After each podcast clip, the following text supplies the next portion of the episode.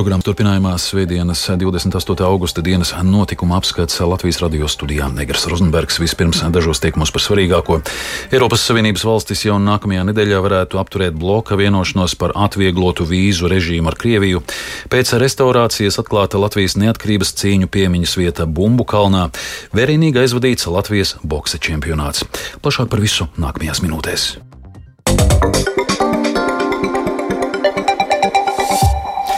Eiropas Savienības valstis jau nākamajā nedēļā varētu apturēt bloka vienošanos par atvieglotu vīzu režīmu ar Krieviju. Dalību valstu vidū gan nav vienotības par to, vai šādus pašus ierobežojumus vajadzētu attiecināt arī pret Krieviju atbalstošu Baltkrieviju un tās pilsoņiem. Baltkrievu komentētāji jau norāda, ka tas grautu uzticību Eiropas Savienībai un arī Baltkrievu demokrātiskajai opozīcijai. Bet tikmēr Krievijas prezidents paziņoja, ka kara pārtraukšanai izvirzītās prasības joprojām ir nemainīgas. Vairāk stāsta Uģis Lībietis.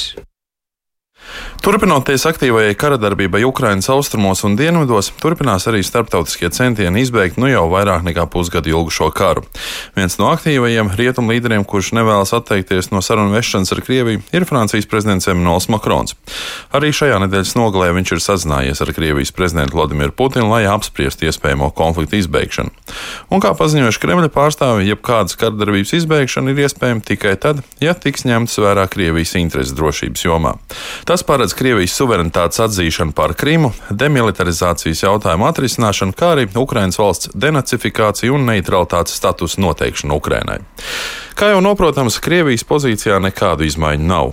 Un arī Ukraiņas nostāja ir nemainīga. Tā ir gatava cīnīties par savu valstiskumu līdz galam.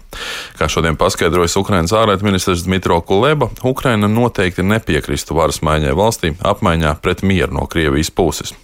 Kuleba arī paskaidrojas, ka runa nav par kādu konkrētu personu nomaiņu, bet gan par visas Ukrainas izdzīvošanu.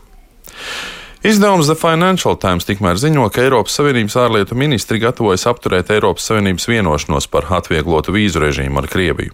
Atsaucoties uz vairākiem sarunās iesaistītiem avotiem, izdevums ziņo, ka šādu lēmumu paredzēts apstiprināt divu dienu ilgās tikšanās laikā Prāgā, kas sāksies otrdien. 2007. gadā noslēgtās vienošanās saraušana nozīmētu, ka Eiropas Savienības vīzas iegūšanai Krievijas pilsoņiem būs jāiesniedz lielāks skaits dokumentu, to noformēšana kļūs dārgāka un palielināta palielināsies arī vīzu gaidīšanas termiņš. Vienlaicīgi Financial Times norāda, ka pašlaik dalību valstu vidū nav vienprātības par papildu pasākumiem, piemēram, izsniedzamo vīzu skaita samazinājumu vai to pilnīgu apturēšanu, attiecinot šos ierobežojumus arī uz Baltkrievijas pilsoņiem. Jau esam ziņojuši, ka Schengens vīzu izsniegšanas aizliegumu Krievijas pilsoņiem atbalsta trīs Baltijas valstis - Somija, Dānija un Čehija.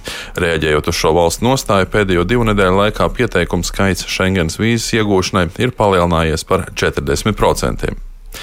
Kā jau minēju, jautājumā par vīzu ierobežojumu attiecināšanu arī uz Baltkrievijas pilsoņiem vienotības nav. Taču tā kā Baltkrievija atbalsta Krievijas sākto karu Ukrainā un faktiski nodrošina savu teritoriju uzbrukumu veikšanai kaimiņu valstī, sankcijām būtu jāskar arī šī valsts.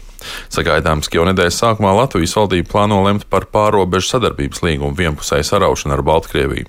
Un kā norāda vidas aizsardzības un reģionālās attīstības ministrija, atbilstoši mūsdienu starptautiskajām tiesībām, jebkurai valstī ir tiesības veikt pasākumus pret valsti, kas pārkāpj saistības pret starptautisko sabiedrību kopumā. Bet, kā uzskata Baltkrievijas politikas analītiķis Arčuns Šraimans, rietumi jau iepriekš ir visai tūredzīgi attiekušies pret šo reģionu, bet vīzu ierobežošana Baltkrieviem likšoties kā viens no visneveiksmīgākajiem Eiropas Savienības soļiem.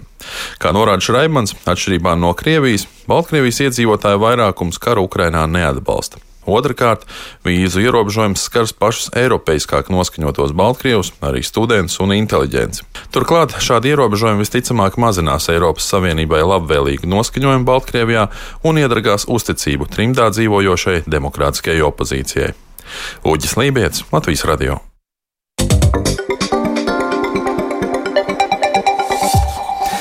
Šonadēļ pēc restaurācijas atklāta Latvijas neatkarības cīņu piemiņas vieta Bumbu kalnā, kas atrodas Kleistu mežā. 1919. gada novembrī tur atradās Latvijas armijas Latgales divīzijas komandpunkts, kur pulkvedis Krišjānis Bērķis parakstīja pavēli par pārdaugos atbrīvošanas operācijas sākšanu, lai atbrīvotu Rīgu no ienaidnieka karaspēka.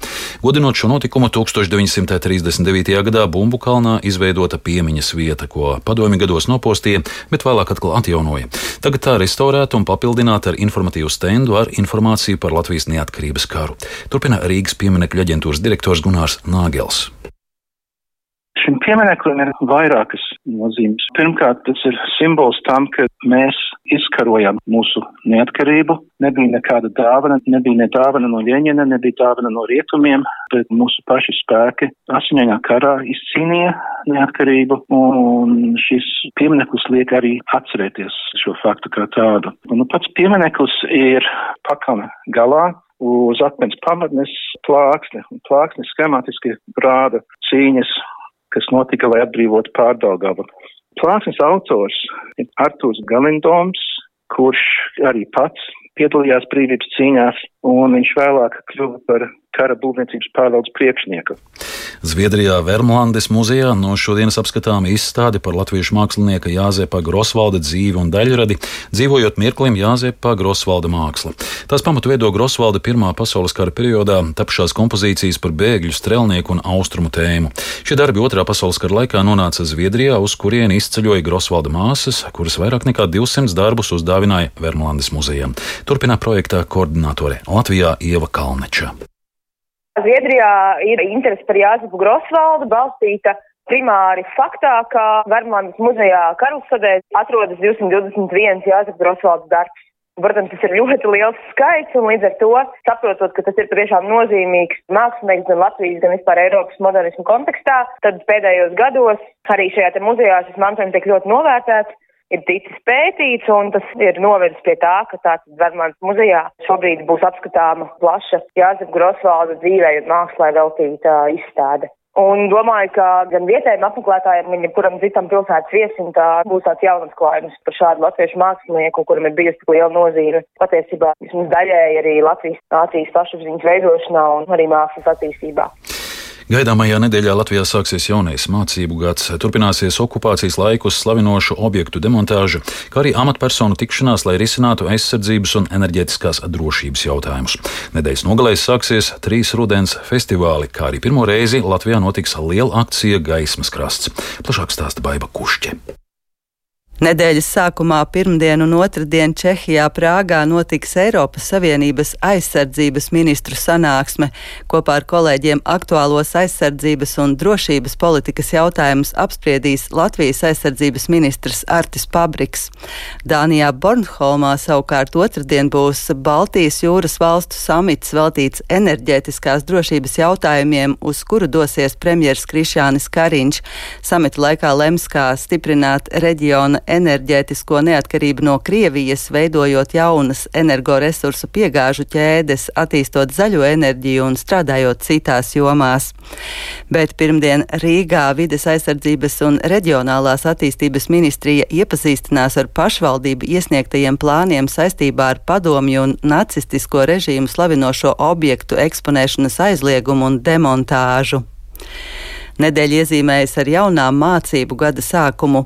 Otradienas Saimas izglītības, kultūras un zinātnes komisija izskatīs jautājumus par skolu gatavību jaunajam mācību gadam, kāds ir nodrošinājums ar pedagogiem, ar mācību līdzekļiem, kādi iespējamie rīcības scenāriji, ja pasliktinās situācija ar covid-19.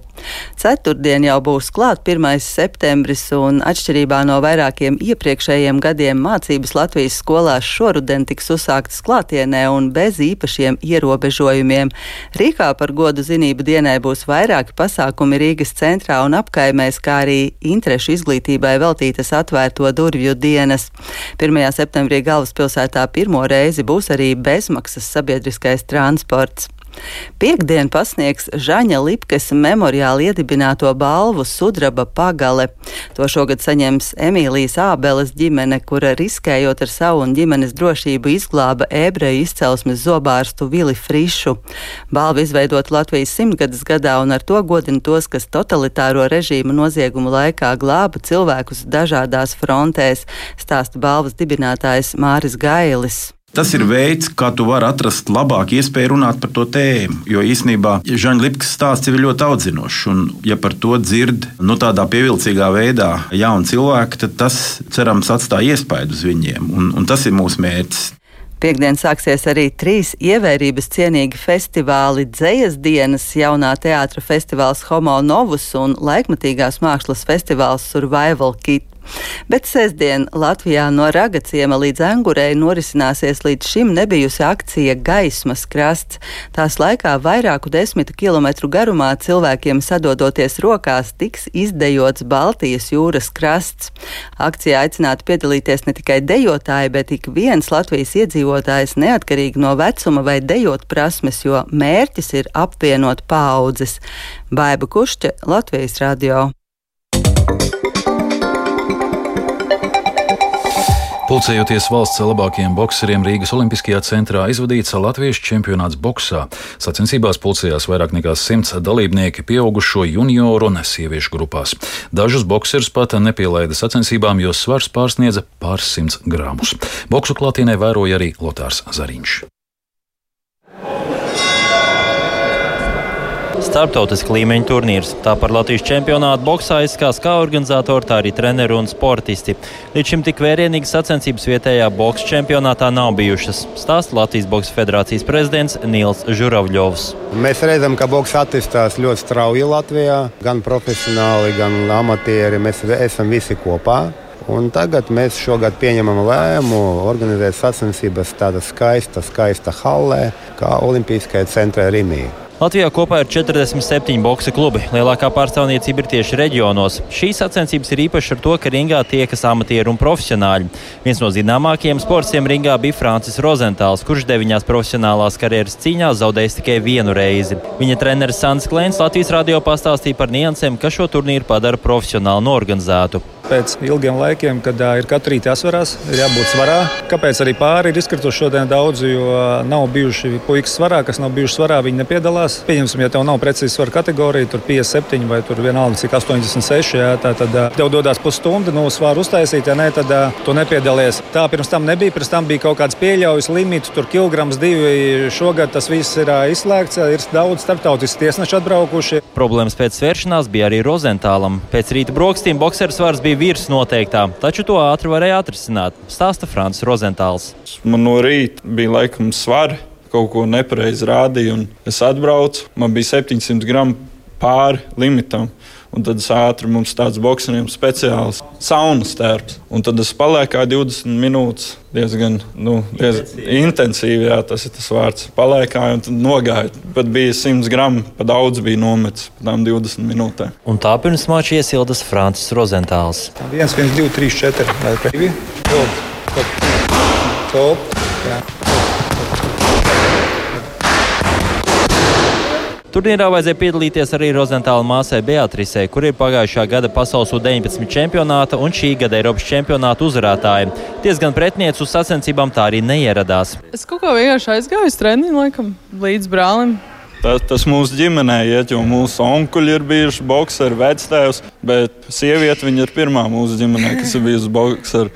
Viņa sākumā kā mamma mūsu gāja basketbolā, pēc tam izdomāja iet boxā. Mamma, es neizdomāju, tas vienkārši nu, ne, notika. Tas notika, jā. Labīgi. Viss jau sākās ar to, ka man bija kaut kāda, varbūt 12 gadu, viņai 10. Es viņai tur biju kaut kādas pamācīju, tur viņai vajag patikt mājās. Jā.